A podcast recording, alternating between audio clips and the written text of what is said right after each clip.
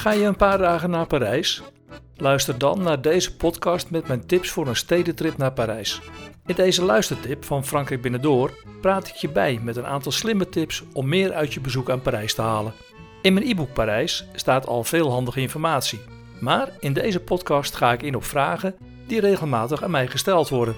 En dat bracht mij op het idee om mijn top 10 voor een weekend in Parijs samen te stellen. Luister je mee? Allereerst heb ik een handige tip voor je. Als je een paar dagen naar Parijs gaat, zul je ogen en vooral tijd tekort komen. Vooral als je voor de eerste keer naar deze mooie stad gaat. Je zult dan snel ontdekken dat bij alle bezienswaardigheden meer mensen op het idee zijn gekomen om net als jij en op hetzelfde tijdstip iets te gaan bezoeken. Als je in Parijs naar een museum wilt, zoals het Louvre, zijn de wachtrijen lang. Ook om met lift de Eiffeltoren op te gaan vergt heel veel geduld. Voor scènecruises, andere musea en stadswandelingen met de gids zijn er ook vaak wachtrijen. Op frankrijkbinnendoor.nl kun je voor praktisch alle attracties, musea en bezienswaardigheden voor vertrek al je tickets online kopen. Ook voor cruises en de populaire hop-in, hop-off bus. Als je dus op een dag een paar attracties wilt bezoeken en je moet overal een half uur of langer wachten, dan ben je op een dag dus veel kostbare tijd kwijt. Vooraf online boeken voorkomt dit en ook een hoop ergernis te plaatsen.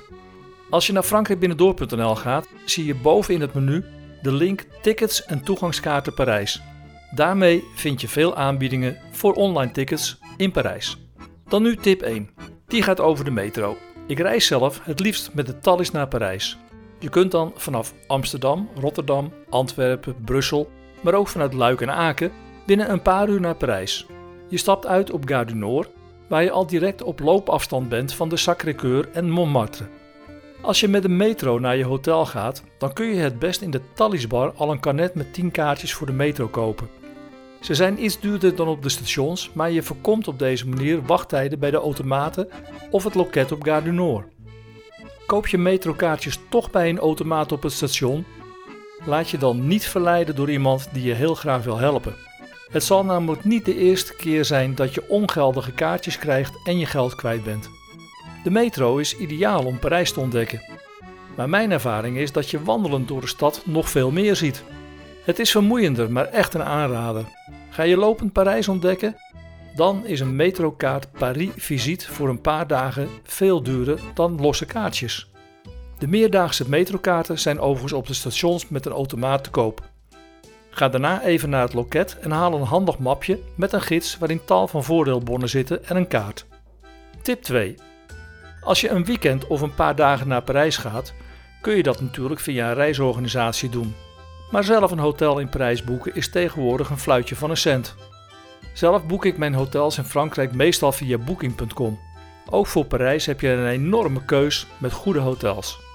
Ik heb wel eens meegemaakt dat bekenden een super deluxe en duur hotel in Parijs boekten en mij naderhand vertelden dat ze een prachtige tijd hadden gehad, maar nauwelijks in hun hotel waren geweest.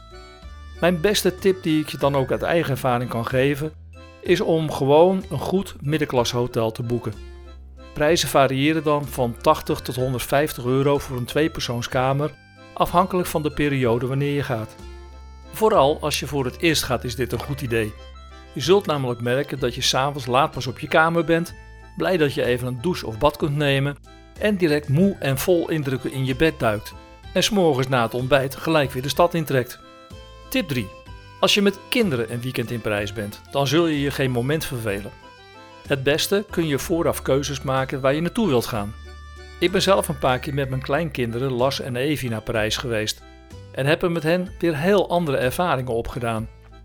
Maar zelfs met deze twee rakkers heb ik nog lang niet alles kunnen zien wat je met kinderen in Parijs kunt doen. Zelf vond ik bijvoorbeeld lopend via de trap de Eiffeltoren opgaan wel heel erg leuk.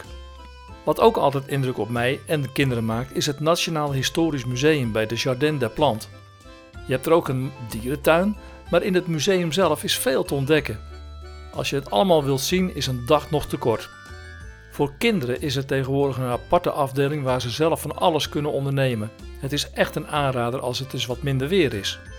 Op Frankrijk Binnendoor vind je nog veel meer blogs van mij over Parijs en wat je daar met kinderen kunt doen. Pluis ze gewoon eens een keer uit. Tip 4. Het is natuurlijk voor iedereen weer anders, maar ik zal proberen je wat tips te geven waarmee je het maximale uit je bezoek kunt halen. Afhankelijk van de tijd dat je in Parijs bent, zou je de dagen bijvoorbeeld als volgt kunnen indelen. Op dag 1 bezoek je de Eiffeltoren, het Quartier Latin, je wandelt langs de Seine, bezoekt de Notre-Dame, het Hotel de Ville, je gaat naar de gezellige wijk Le Marais en Bastille. En dat moet allemaal op één dag te doen zijn, want het ligt allemaal redelijk compact bij elkaar. En dan ga je op dag 2 naar het Louvre, de Tuileries, Concorde, de Champs-Élysées, shoppen op de boulevard Haussmann en de mooie warenhuizen en de Place Madeleine. En dan ga je op dag 3 naar Montmartre, bezoek de Sacré-Cœur en de bijzondere plekjes die niet zo bekend zijn. Lees daarvoor vooral mijn blogs en het e-book Parijs. Wil je het Louvre en de Mona Lisa bijvoorbeeld zien? Houd er dan rekening mee met lange wachttijden bij de kassa's. Maar ook heb je veel tijd nodig om het museum zelf goed te bekijken. Tip 5. Ga je langer dan drie dagen of wil je iets anders meemaken in Parijs? Dan zijn er tal van mogelijkheden, zoals een ontdekkingstocht langs de mooie parken van Parijs. Bijvoorbeeld de Jardin de Luxembourg of het Parc des Buttes-Chaumont. Het mondaine Saint-Germain-des-Prés met de bekende brasserieën zoals Café de Flore, Le Deux Magots en Liep is ook de moeite waard. Je vindt er in deze wijk ook veel chique winkels en het mooie warenhuis Au Bon Marché. Houd er wel rekening mee dat je bij de beroemde brasserieën de hoofdprijs betaalt voor een consumptie. Misschien is het een beter idee om er langs te lopen en in een van de straten in de buurt iets te gebruiken. Wat dat betreft is mijn favoriet Le Bonaparte op het Rue Guillaume Apollinaire. No nonsense en altijd supergezellig en het is maar een paar stappen verwijderd van Café de Flore, maar aanzienlijk beter aan de prijs. Het Ile Saint-Louis, dat in de Seine ligt, is altijd gezellig. Als je op het terras gaat zitten met uitzicht op de Notre-Dame, dan heb je een wereldplek. Hier kun je trouwens ook lekker genieten van de avondzon. De omgeving van de Place de la République heeft de laatste jaren een flinke oppepper gehad. Vooral langs het kanaal Saint-Martin vind je veel leuke zaakjes voor een hapje en een drankje. Wil je iets bijzonders meemaken als het lekker weer is? Ga dan aan het begin van de avond naar het kanaal Saint-Martin en je zult niet alleen zijn. Veel jonge Parijzenaren en ouders met kinderen genieten er dan van de avondzon en een aperitief. Koop bijvoorbeeld bij La Vache dans la Vigne een fles wijn, een stukje kaas of een lekker hartig stukje worst en het feest kan beginnen. Tip 6. Ik heb hiervoor al even de boulevard Haussmann en de Warenhuizen genoemd. Lafayette en Printemps liggen allebei op deze fameuze boulevard in Parijs. Twee keer per jaar is er de grote uitverkoop. Ik schreef er zelfs een blog over met veel tips over shoppen in Parijs. Ook BHV bij het Hotel de Ville is een mooi warenhuis. Leuke hotspots om te winkelen zijn de Joodse wijk Le Marais, Saint-Germain-des-Prés, de wijk rond de Opera Garnier en de Place Vendôme. Die moet je gewoon gezien hebben met de vele chique winkels. In de buurt ligt ook de bekende en luxe winkelstraat Rue du Faubourg Saint-Honoré. Naast fraaie winkels vind je er prachtige oude panden. En een trendy trekker hier is de Concept Store Colette op nummer 213. Heb je dorst? Ga dan naar beneden. Er is een speciale waterbar en zoveel watertjes heb je nog nooit bij elkaar gezien. Trouwens, over concept stores gesproken. Mijn favoriet is Merci. Die vind je aan de boulevard Beaumarchais 111, niet ver van de Bastille en het kanaal Saint-Martin. Tip 7.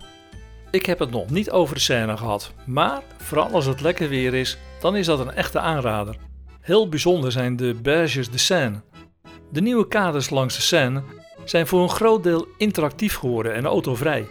Er gebeurt van alles, vooral in het weekend en met mooi weer is het er super gezellig. Het is echt de moeite waard voor groot en klein.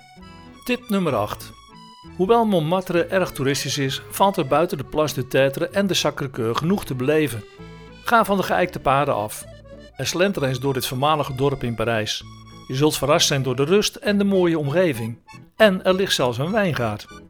Tip 9. Voor mij is een bezoek aan Parijs zonder een markt gezien te hebben niet compleet. En de mooiste markt van Parijs is voor mij en vele anderen de dagelijkse markt bij de Place d'Aligre.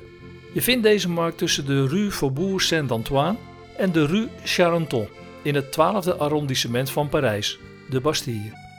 Behalve maandag is er elke ochtend een oergezellige markt met de meest verse producten. Koks uit Parijs doen hier vaak hun inkopen. Op zondag is er op de Bastille een leuke markt en verder heeft elke buurt of wijk wel zijn eigen markt. Ga op ontdekkingsreis en laat je verrassen. En hier is dan alweer mijn laatste tip. Tip nummer 10. Wandelen in Parijs. Als je nog niet uitgewandeld bent in Parijs, dan heb ik nog een hele leuke tip voor je. Ga eerst met de metro naar de Bastille, bijvoorbeeld met lijn 1. En loop dan de Avenue Dooms Niel in. Blijf aan de linkerkant en op een gegeven moment zie je een trap omhoog met een groen bord Promenade Planté. Dit is het oude spoorviaduct naar het Bois de Vincennes. Je loopt er ruim 4 kilometer boven straatniveau in een heel andere wereld. Tuinen, vijvers, bankjes en bomen zorgen hier voor een natuurlijke omgeving waar het heerlijk toeven is. Uiteindelijk kom je dan bij het Bois de Vincennes. Dat is ook erg leuk om te ontdekken en om er doorheen te lopen.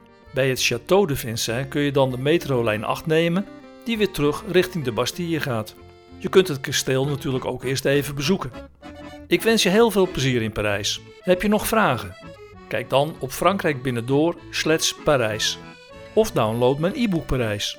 En als je premium lid bent of wordt van Frankrijk Binnendoor, kun je het e-book zelfs gratis downloaden. Oh ja, vond je deze podcast leuk? Luister dan ook naar mijn andere luistertips, die inmiddels al meer dan 20.000 keer zijn gedownload. Je kunt ze vinden in iTunes en Stitcher en natuurlijk op frankrijkbinnendoor.nl slash podcast. Tot mijn volgende podcast.